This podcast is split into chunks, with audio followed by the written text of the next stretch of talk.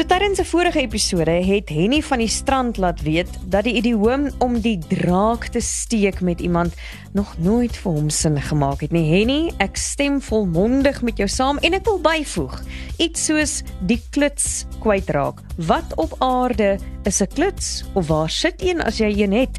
Nou ek het vir ons geliefde Gerard opgekommandeer om vir ons die betekenis van hierdie en 'n klompie ander idiome na te vors. So, Kom ons gesels drake en klitse. Hoe nou? Met Suan Miller Maree en Gerard van Huisteen. Hoe nou word moontlik gemaak deur afrikaans.com. Jou tuiste vir alles oor Afrikaans. Gerard, jy't so hard nagevors, dit lyk of daar stoom uit jou ore kom of daar vuur by my mond uitkom. Ja, of daar 'n draak in jou kop is. So kom ons val dan sommer met die draak in die huis, want dit klink net verkeerd om te sê ons steek die draak in die deur. Ek wil dadelik weet, kan jy net die draak steek of moet jy die draak met iemand steek? So moderne woordeboeke sê jy moet die draak met iets of met iemand steek, nê. Nee. En ek sien dit ook inderdaad so in korpus ek het bietjie gaan soek daarna. So dis inderdaad jy moet jy kan nie net sê hy steek die draak nie. Jy moet sê hy steek die draak met iets of met iemand. Maar dit was nie altyd so gewees nie. Ooh, nou hoe dan en hoe nou? So reeds so ver terug as 1605 sien ons dat die idioom so oorganklik gebruik is met ander woorde met iemand of iets nê nee. hier's byvoorbeeld uh, so 'n liedjie gewees sy steek den draak met myn goed rond dus roep ek wraak ek heb oorsaak tot aller stond So die man was baie vies vir 'n vrou wat met hom die draak gesteek het. Hy het gedink hy die oorsaak, het oorsaak om te om om Sy steek die draak met my goed rond. Precies, Dis nogals mooi precies, gestel. Pragtig. Nou goed, maar lank voor dit in die ontstaan van die idioom het iemand letterlik 'n figuurlike draak met 'n swaard gesteek. Dit klink net vir my soos 'n kinderpartytjie. en dan kom daar ietsie uit daai draak wat so ontplof. So in die 3de eeu was daar 'n ene Georgius, 'n soldaat van Kappadosie.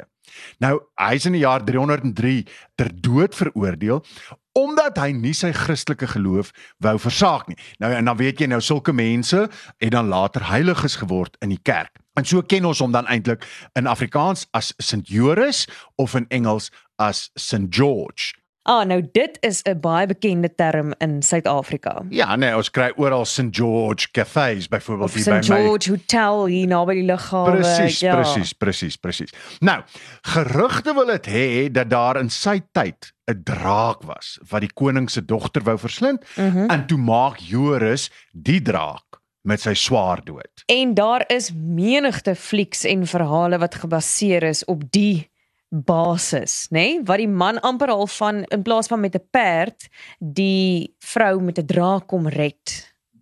Of die draak doodmaak doodmaak nee. sodat hy die vrou schrik, kan red. Dit schrik nie ook so ding met 'n ja, draak nie. Wat er nou nee. intussen gebeur het is die moderne flieks, hy wou die draak doodmaak, maar toe wen hy die draak se hart, soos in Shrek. En op die einde toe word die draak sy rydier en hy die prinses vlieg saam met hom weg op die draak se rug. Nou ons, ons moet dalk nou maar in 'n toekomstige episode kan ons dalk bietjie praat oor drake want drake is op sigself baie interessant en baie. waar kom ons nou daaraan en so aan. Daar selfs in die Bybel in Openbaring 12 vers 9 is daar sprake van 'n draak, nê. Nee, ja. Ek eintlik nooit geweet het nie. Maar Joris was inderdaad 'n regte egte persoon. Nee, hy is in 303 is hy oorlede.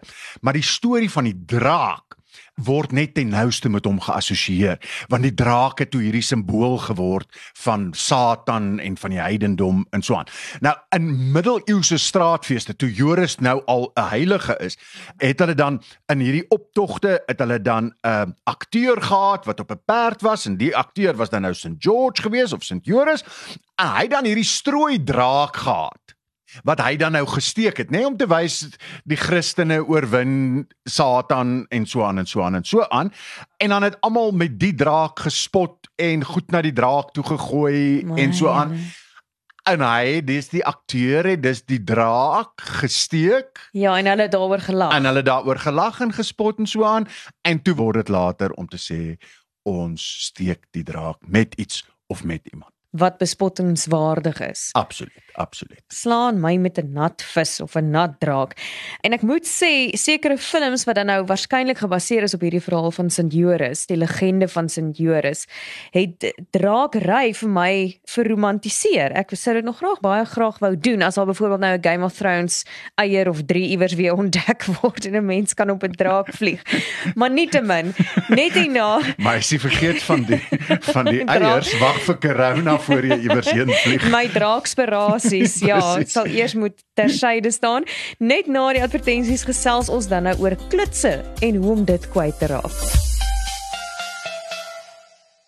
Afrikaans is so lekker soos koeksisters, braaibroodjies en kondensmelk koffie. Dit is jou taal. Dit is wie jy is en hoe jy leef. Daarom nooi ons jou. Kom skryf saam aan die toekoms van Afrikaans. Vir gratis leerhulp, taalnuus, vermaak, speletjies en meer. Besoek www.afrikaans.com en volg ons op sosiale media. Koop dit, lees dit, praat dit, leef dit. afrikaans.com. Jou tuiste vir alles oor Afrikaans. Jy luister na Hoe nou met Gerard en Swan en Swan en Swan. Welkom terug. Ons het nou net gehoor dat ons al vir byna 2000 jaar drake steek te danke aan die legende van Sint Joris of Sint George. Nou, dis 'n vreemde idioom soos dit wat ons ook laat dink het aan iets soos die klits kwyt wees of die klits kwyt raak. Is hy ook so oud soos 2000 jaar? Gerard, amper noem ek jou Joris. Kom ek gee vir jou drie opsies, anders is die lewe baie saai as jy nie bietjie moet raai nie. Ja. Watter een is vir jou die waarskynlikste? So aan die begin van die 20ste eeu in die motorvervaardigingsbedryf Klutz is die Duitse woord wat in Engels clutch geword het. So as jy die klits kwyt is, dan is jy jou clutch kwyt. Mhm. Of kom dit uit die voortrekker tyd uit? Met ander woorde hier in die 19de eeu was 'n kluts 'n klinknaal waarmee jy die velling aan die naaf van die wawiel vasgeheg het. Mhm. Of kom dit uit die 19de eeu ook, vroeër in die 19de eeu, uit die papiervervaardigingsbedryf waar kluts die Nederlandse woord was vir klits. Nê, nee, om eiers te klits. Is net een van hierdie drie waar? Net een van die drie is. Wel waar. dan kan jy baie goed lieg hoor, want al drie goed klink vreeslik geloofwaardig. Ek raai die klitskwyt kom van af die voortrekker tyd waar dit iets met die ossewaar te doen het. Jy is heeltemal verkeerd. So in Nederlands is wat ons noem klits, nê? Nee? As jy eiers klits, sê hulle in Nederlands kluts, klutsen? Nee? Nee. Klutsen. Ek gaan even nog 'n 'n- 'n eitjie klutsen. uh, so Dat klink heel leuk ja. Heel leuk hoor. Uh nou daar in die papiervervaardigingsbedryf moes hulle dus hierdie papier met die hand klits, net klutse.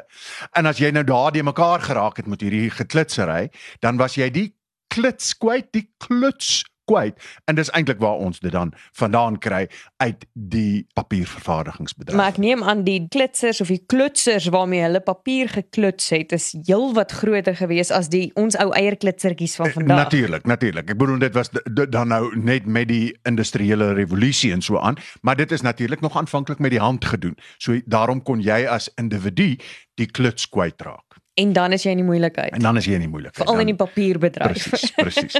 En interessant, nê, nee, en dis eers in 1931 in die Afrikaanse woordelys en spelreëls wat ons klits begin onderskei het van kluts. So tot en met 1931 eh, moes jy nog lekker eiere kluts. Klutsen. Uh ja, presies, in Afrikaans. So Langehoven het waarskynlik nog sy eiers gekluts. Presies, presies.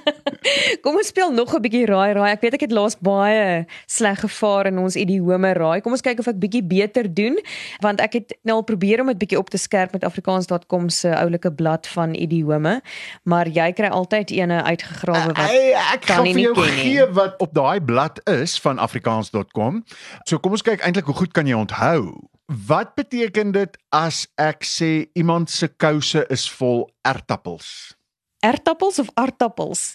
Wel, aartappels, ertappels. Ertappels is die verouderde vorm, nee. Dis 'n wisselvorm, so 'n ander vorm. Ja. goed. Iemand se kouse is vol aartappels, sou ek sê hy loop snaaks. Nee, die persoon se kouse is vol gate. Ah. Ek vermoed dit het iets te doen met daai oogies wat in 'n aartappel is en dan jy die oogies in Lyk jou kouse en so. ja, dis Hier's gou oulik. gou 'n laaste ene. Mm. As ek wil sê 'n mens moet jou inspann om iets te kry. Jy kry dit nie net sommer verniet nie, né? Dan sê ek wat vlieg niemand in die mond nie. X vlieg niemand in die mond nie. Wat is X? Heuning vlieg niemand in die mond nie. Man, hoe kan heuning nou vlieg Met so 'n by. Wow. 'n By se heuningdraer. Okay, maar ek het jou nou vreeslik hier aangeval asof jy baie dom is dat jy dit nie weet. Maar as jy hoor wat die regte antwoord is, Sê, 'n sê. gebraaide hoender Oh. vlieg niemand. Nou hoe vlieg 'n gebraaide hoender, Gerard? Nee, Met 'n precies, tang van 'n precies. kwaai braaier. As jy vir hom sê hoe om te braai. Presies, presies. Maar dis baie oulik. Nou goed, dis alwaar ons nou tyd het. Gaan gerus na afrikaans.com se webblad toe. Hulle het baie oulike visuele voorstellings van Afrikaanse idiome, goed waarvan jy dalk nog nooit geweet het nie of wat jy nog moet leer, soos ek. En so aan omdat jy gesê het soos ek, is dit tyd vir luisteraars terugvoer. Nou terug by die draakgestekery. Francis van Alberton sê hy's net so mal oor enige fliek wat te doen het met 'n draak, byvoorbeeld The Never Ending Story waar daai draak soos 'n hond gelyk het wat kon vlieg. Ja, ja, ja. En dan ek dink Dragonheart het my boetie altyd gekyk toe ons klein was en dis so ou romantiese fliek vir my. Dit vreeslike indruk op my gemaak as 'n jong, jong dogtertjie want is hierdie held wat die draak moes doodmaak om die prinses uit die kasteel se mure te gaan red. Maar toe op die einde toe gebruik hy die draak en toe ry hy met die draak sê nou maar deur die muur. Arme draak. Maar hy het oorleef en toe vlieg hulle albei weg op die draak O, okay. en wys 'n toffie vir die kasteel, jy Maar weet. dit is baie soos wat How to Train Your Dragon? Nee, Absoluut. selfde storie. Selfs Avatar, nê, nee, wat 'n meer moderne fliek is en natuurlik Game of Thrones waar die Queen of Dragons. Ek het dit nooit gekyk nie. so. Gepraat van nog iemand het ook vir ons 'n e-pos gestuur wat hulle gesê het hierdie hoom wat hy ken van draak is iemand is 'n regte draak. Ja, presies, presies. En dalk moet ons uh, volgende week bietjie praat oor drake. Dit klink my die mense stel belang daarin. Kom ons praat volgende week daaroor. Dit draak al hoe belangriker.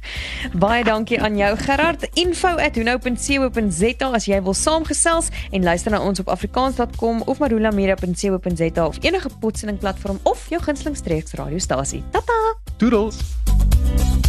Hoe nou is saamgestel en aangebied deur Suan Miller Maree en Gerard van Huisteen en word moontlik gemaak met die tegniese ondersteuning van Marula Media en die finansiële ondersteuning van afrikaans.com. Jou tuiste vir alles oor Afrikaans.